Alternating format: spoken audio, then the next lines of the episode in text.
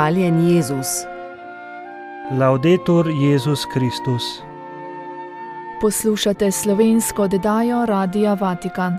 Svet je oče v video sporočilo sodnikom: Mir se gradi vsak dan, vi pa ste delavci za mir. Papežu poklonili klečalnik iz lesa Barke, ki je pred letom dni potonila v Kutru. Prisluhnili bomo nadaljevanju prve posne pridige kardinala Kantala Mese, Jaz sem kruh življenja. V založbi družine potekal pogovorni večer o srednjeveškem nemškem mistiku Taulerju. Prisluhnili bomo začetku govora Jrneja Leve o duhovnem oboštvu pri Janezu Taulerju. Papež Frančišek se z video sporočilom obrača na člane panameriškega odbora sodnikov za socialne pravice in frančiškanski nauk ter izpostavlja temeljno in ključno poslanstvo sodnikov na področju zagotavljanja pravičnosti v današnjem času. Povod za papeževo video sporočilo je bilo odprtje novega sedeža v Buenos Airesu, obenem pa so odprli tudi argentinsko podružnico Inštituta za raziskovanje in spodbujanje socialnih pravic. Sveti oče izpostavi pomembnost pravičnosti v današnjem kompleksnem času, zaradi česar sta pred novimi izzivi prav tako pomembna razmislek in formacija. La misión de los operadores judiciales, abogados, jueces, fiscales.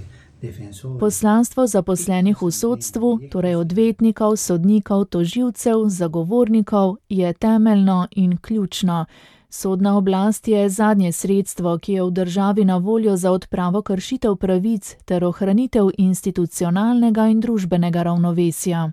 Živimo v dobi globoke nepravičnosti, vedno močnejša peščica bogatih na eni strani in milijoni revnih, ki so zavrnjeni in odvrženi na drugi.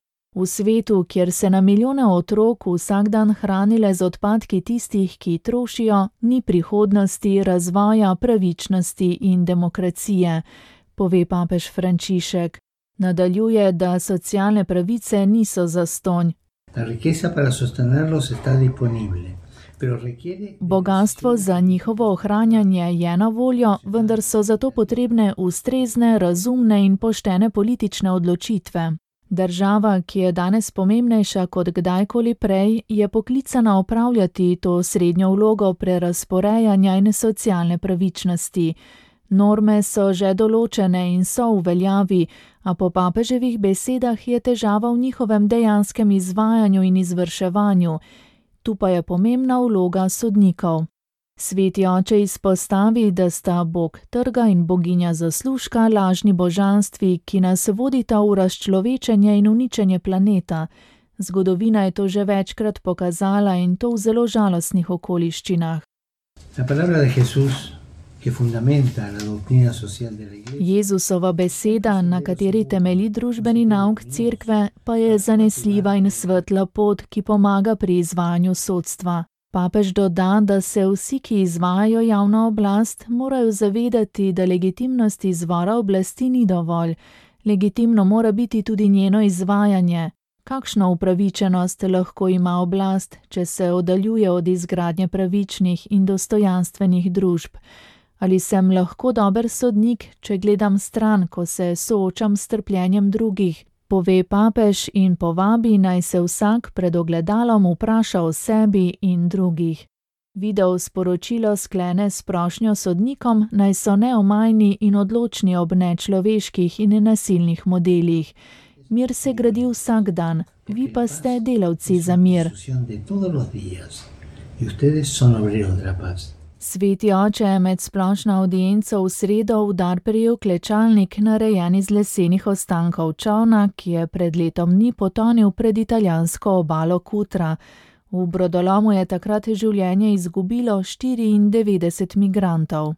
Zamisel se je porodila Giulianu Crepaldiju, predsedniku Združenja svetega Vincencija Pavelskega. Nesreča v Kutru ga je zelo pretresla in želel je izraziti solidarnost in bližino. Vprašanje beguncev je zanj zelo pomembno, saj dela v organizaciji, ki se ukvarja s prejemanjem in vključevanjem ljudi, ki so zaradi vojne, preganjanja in lakote prisiljeni zapustiti svojo matično državo. Klečalnik je izdelal ali reza, iranski begunec, ki ga trenutno gosti Združenje svetega Vincencija Pavelskega. Opiral se je na risbo Guljerma Zamparelija, sodelavca te karitativne organizacije. Ali Reza je pojasnil, da je dati obliko klečalniku zanj bilo pričevanje o ljubezni ter način, kako se spomniti ljudi, ki so izgubili življenje v teh in drugih strašnih nesrečah. Poklon papežu je spremljala obljuba, da bodo iz lesa bark, s katerimi imigranti prihajajo na italijansko obalo, izdelali še druge klečalnike in jih poklonili italijanskim škofijam. Splošne audience se je udeležil tudi župnik italijanske župnije Apekjo Don Sauro Profiri, ki je svetemu očetu podaril pastoral, ki so ga ukrasili otroci iz uganske pokrajine Karamoja. Don Sauro, ki že leta sodeluje z neprofitno organizacijo Afrika Mission, pojasni, da so na škofavski palici tri zastave: uganska, vatikanska in italijanska, kar izpostavlja povezanost teh treh držav. Smo športni, predvsem pa družbeni čudež, in to smo želeli povedati papežu Frančišku, kajti vsi, tudi muslimani, čutimo njegovo bližino v človeških stiskah migrantov in njegov poziv k pravičnosti. Gre za besede mladih afriških migrantov, ki so na audienco s papežem prišli iz južnoitalijanskega mesta Copertino in so del socialnega programa Rinašita, ki je namenjen sprejemanju in integraciji migrantov. V zadnjih treh letih je dober način za sprejemanje migrantov, beguncev in prosilcev za azil postal nogomet. Nogometno ekipo Rinašita Refugees sestavljajo mladi predvsem iz Senegala in Gambije, pa tudi iz Malija, slonokoščene obale in drugih afriških držav. Na ta način se pripadniki različnih kultur, verstev in etničnih skupin srečujejo, spoznavajo in med seboj sklepajo prijateljstva. Skupino so pri splošni audienci spremljali predsednik Antonijo Palma, športni direktor Vincenzo Nobile in trener Hasane Nijank Baje, nekdanji nogometaš, ki je prišel iz Senegala in je zdaj kulturni mediator. Nogometna ekipa Rinašita Refugees je v sredo popovdne v Rimu odigrala prijateljsko tekmo z ekipo Fratelli Tutti, ki jo sestavljajo zaposleni v Vatikanu, duhovniki rimske kurije ter bogoslavci in duhovniki, ki se izobražujejo v papeških kolegijih in na papeških univerzah. Tekmo je organiziral dikasterij za kulturo in vzgojo. Res ohnemo nadaljevanju prve posne pridige kardinala Ranjera Cantalamese z naslovom Jaz sem kruh življenja. Mi pa se tukaj nahajamo v okviru kurije. Veliko je priložnosti, ki jih ne smemo zapraviti, če hočemo tudi mi biti zmleti, da bi postali božja moka. In vsak mora odkriti in posvetiti tisto, ki se mu ponuja na njegovem mestu služenja. Navedel bom samo eno ali dve, za kateri menim, da veljata za vse. Ena priložnost je sprejeti nasprotovanje, odpovedati se opravičevanju samega sebe in hoteti imeti vedno prav, kadar tega ne zahteva pomembno zadeve. Druga je prenašati nekoga, čigar značaj, način govorjenja ali delovanja nam gredo na živce. In to storiti brez notranjega razburjenja, ko raje pomislimo, da smo morda tudi mi za koga takšen človek. Apostol je vernike v kolosah spodbuja s temi besedami: Kot božji izvoljenci, sveti in ljubljeni, si torej oblecite čim globlje usmiljenje, dobrotljivost, ponižnost, krotkost, potrpežljivost. Prenašajte drug drugega in odpuščajte drug drugemu, če se ima katere kaj pritožiti proti kateremu. Kakor je Gospod odpustil vam, tako tudi vi odpuščajte. Ni najteže zmeti v nas meso, ampak duha, torej samoljubje in ponos. In te majhne vaje na odličen način služijo temu namenu. Nažalost, danes v družbi obstaja neka vrsta zob, ki meljejo brez usmiljenja, bolj kruto kot zobje leoparda, o katerih je govoril mučenec sveti Ignaci. To so zobje medijev in tako imenovanih družbenih omrežij. Ne takrat, kadar razkrivajo izkrivljenost družbe ali cerkve, glede tega zaslužijo vse spoštovanje in upoštevanje, ampak kadar nekoga napadajo pristransko, zgolj zaradi tega, ker ne pripada njihovi strani, shodobijo z uničujočim namenom, nekonstruktivno. Revež je tisti, ki danes konča v tej mesoreznici, pa naj bo laik ali duhovnik. V tem primeru je dopustno in nujno uveljaviti svoje razloge na ustreznih mestih, in če to ni mogoče ali pa vidimo, da je brez koristi, verniku ne ostane drugega, kot da se združi s prebičanim, strnjem kronanim Kristusom, na katerega so pljuvali. V pismu Hebrejcem beremo opomin prvim kristjanom, ki nam lahko pomaga v podobnih okoliščinah.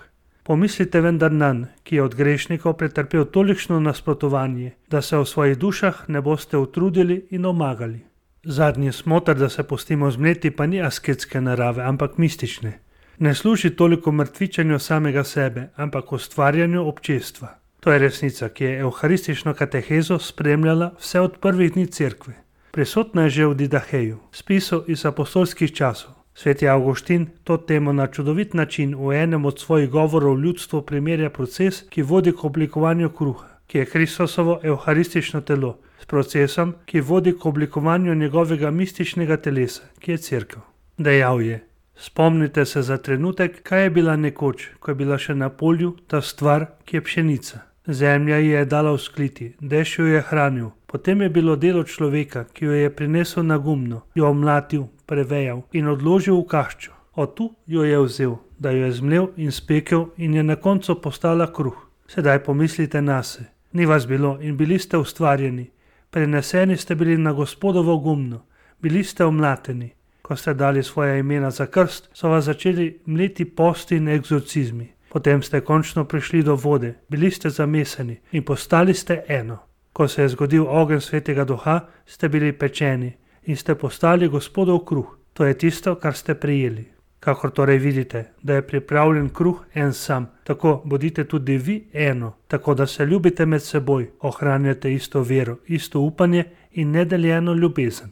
Med telesoma, evharističnim in mističnim telesom cerkve, ni samo podobnost, ampak tudi odvisnost. Po zaslugi velikonočne skrivnosti Kristusa, ki deluje v Euharistiji, mi lahko dobimo moč, da se postimo dan za dnem leti v majhnih in včasih velikih okoliščinah življenja. V sredo 28. februarja se je v prostori galerije družine pod okriljem Kuda Logos, Inštituta za proučevanje krščanskega izročila in založbe družina, ob izidu celotnega korpusa pridik nemškega srednjeveškega dominikanca Janeza Taulerja odvil pogovorni večer z naslovom Janez Tauler, mistik in pričevalec. Dr. Miloslav Gudovič, predstavnik Inštituta za proučevanje krščanskega izročila, je spregovoril o notranjem človeku pri Janezu Taulerju. Jrnej Leva z Univerze v Mariboru o duhovnem oboštvu pri Janezu Taulerju in dr. Alen Širca z oddelka za primerjalno književnost in literaturno teorijo na Univerzi v Ljubljani ter glavni urednik Kuda Logos o percepciji Taulerja. Dogodek je povezoval dr. Robert Kralj. Po referatih je sledil pogovor med referenti in poslušalci. Prisluhnemo še kratkemu življenjepisu. Janez Tauler, približno 1300 do 1361, je bil nemški teolog, pridigar in mistik, ki velja poleg mojstra Ekarta, ta je živel okoli 1230 do 1328 in Henrika Suzoja, ki je živel okoli 1298 do 1366 za enega najpomembnejših predstavnikov tako imenovane nemške oziroma renske mistike, pozno srednjeveške mistične šole meniškega reda dominikancev, ki je svoj razcvet doživela v 13. in 14. stoletju in edini srednjeveški nemški mistik, katerega delo je znano in cenjeno tako v rokopisih kot tudi v tisku domala neprekinjeno od njegovega življenja do danes. Tauler svojega nauka ni nikoli razgrnil v sistematični obliki, temveč se nam je ta ohranil v približno 80 pridigah, v katerih tako kot Ekart pred njim ustvarjalno združuje novo platonistično misel, proklos, Dionize Aeropagit in dominikansko duhovnost. Prisluhnemo odlomku govora Jrneja Leve z Univerze v Mariboru o duhovnem oboštvu pri Janezu Taulerju. Samo oboštvo, če pogledamo konkreten čas, v katerem je živel Janez Tauler, je bilo na zelo konkreten, na zelo stvar način prisotno čisto v danjem življenju. Če pogledamo konkretno 14. stoletje, v katerem je Tauler živel, vidimo vojne, bolezni, kugo, lakoto. Na nek način lahko rekli, da je že bil človek zelo konkretno predispoziran k temu, da doživljajo svoje lastno boštvo, svojo lastno ničevo, svojo, ja, na nek način tudi strah pred smrtjo, ki ga neposredno vodo v eno izkušnjo lastnega boštva niča. In um, vemo, da v tistem času tudi nastajajo različni oboštveni redovi, ki so podarali to neko oboštvo, razdostitev samega sebe, zatajevanje svoje volje. Um, tako da v tem smislu je bilo zagotovo oboštvo prisotno kot ena pomembna tema v srednjeveški duhovnosti. Ampak Tauler, ko govori Tauler o oboštvu, ima v mislih eno globjo razsežnost oboštva. In sicer duhovno oboštvo. To je ena, ena globja razsežnost oboštva, ki je mogoče v vseh teh gibanjih, vseh teh duhovnostih, mogoče včasih enih pre, pretirano moralizatorskih paradigmah duhovnosti v tistem času, je bila dokaj zanemarjena torej duhovno oboštvo pri Janezu Taulerju, da bi ga lahko razumeli, pravzaprav bi mogli razumeti mojstra Ekarta, ki je bil že večkrat omenjen kot Tauler največji vpliv, tudi na nek način posredno, sicer ne vemo, kje, kdaj sta se srečala, kje ga je učil, v smislu neki akademske ravni, ampak zelo opazni je njegov vpliv.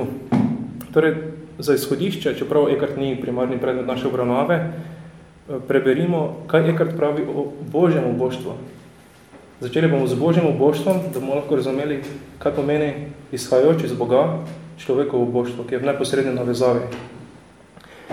Ekart v izmed pridih pravi, citiram, Oče je svojemu edinorenemu sinu dal vse, kar more ponuditi.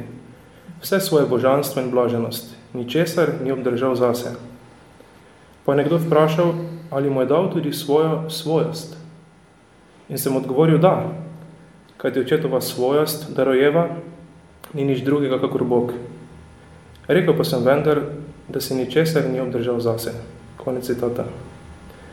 Zdaj, kaj nam hoče to ekrat povedati? Čist na neki površinski ravni se to zdi paradoks. Neki temeljni konstitutivni element osebe, torej neka identiteta samim sabo, svojost, ne vem, sveti trojici, ko je bila teologija sveti trojice, recimo pri Tomažem Akvinsko, Tomažem Akvinskem se je vedno govorilo nekaj božja narava, torej lastnosti, ki si delijo vse tri osebe, torej vsemogočnost, večnost, popolnost, dobrost, ampak oče, kot oče, kot hipostaza božje narave, pa vseeno ostane edini oče, samo oče je oče, to je ta svojost, to je ta proprijatost, ki pripada samo očeto. Ampak ne, Tauler pravi, da tudi to, tudi to lastnost, ki očeta dela očeta, oče preda sino. In kljub temu ostane oče. Že to vidimo, da Ekart na nek način razbija na en paradoksen način to običajno površinsko pojmovanje osebe, ki ga mi iz nekih medosebnih odnosov črpamo. Mi smo navajeni razmišljati, ja, bolje nekaj lastno nam, bolje osebno, bolje individualno, bolje zaprto vase, bolje osebno. Ekart nam kaže ravno nasprotno. Pogled na to, kaj pomeni biti oseba, je vekarto, čeprav mogoče včasih na en impliciten manj neposreden način bistvenega pomena. Um, kdo je že prav Ekarta ve, da je zelo, podar, zelo v spredje ta njegov Godheit, ta nadosebna enost Boga, njegova Božja narava, iz katere navidezno v nekem časovnem zaporedju še le privrejo osebe, ampak v resnici pri njem razlike med tem nadbitnostnim Bogom, Bogom, ki mu ne moremo pripisati imena, v, Bogu, v Bogom, s katerem so vsa bitja na idejni, edetski ravni eno, v resnici med tem božjim obstojem in osebam ni dobene razlike. Če pogledamo čist zgodovinski razvoj pojma osebe, recimo v antiki, oziroma pozne antiki, vemo, da bojeci poda definicijo osebe, da je oseba racionalna substanca. Substanca v smislu nekaj, kar obstaja samo po sebi, torej podstat. In tu človek lahko hitro dobi vtis, da torej, kot rečeno, oseba je tisto, ki biva po sebi, ki na nek način neki, ja, čist nekem ontološkem temelju, ki je samostojen, ki je zaprt sebi, biva napram drugemu. Jaz sem definiran napram drugemu, ki ni jaz. Ekart izpostavlja, da ta logika vse te trojice razpade, prav nasprotno. Oče ni česar ne zadržuje zase, niti svojega očetostva. Biti oseba pomeni izliti se iz sebe v drugega. Poslušali ste slovensko oddajo Radija Vatikan.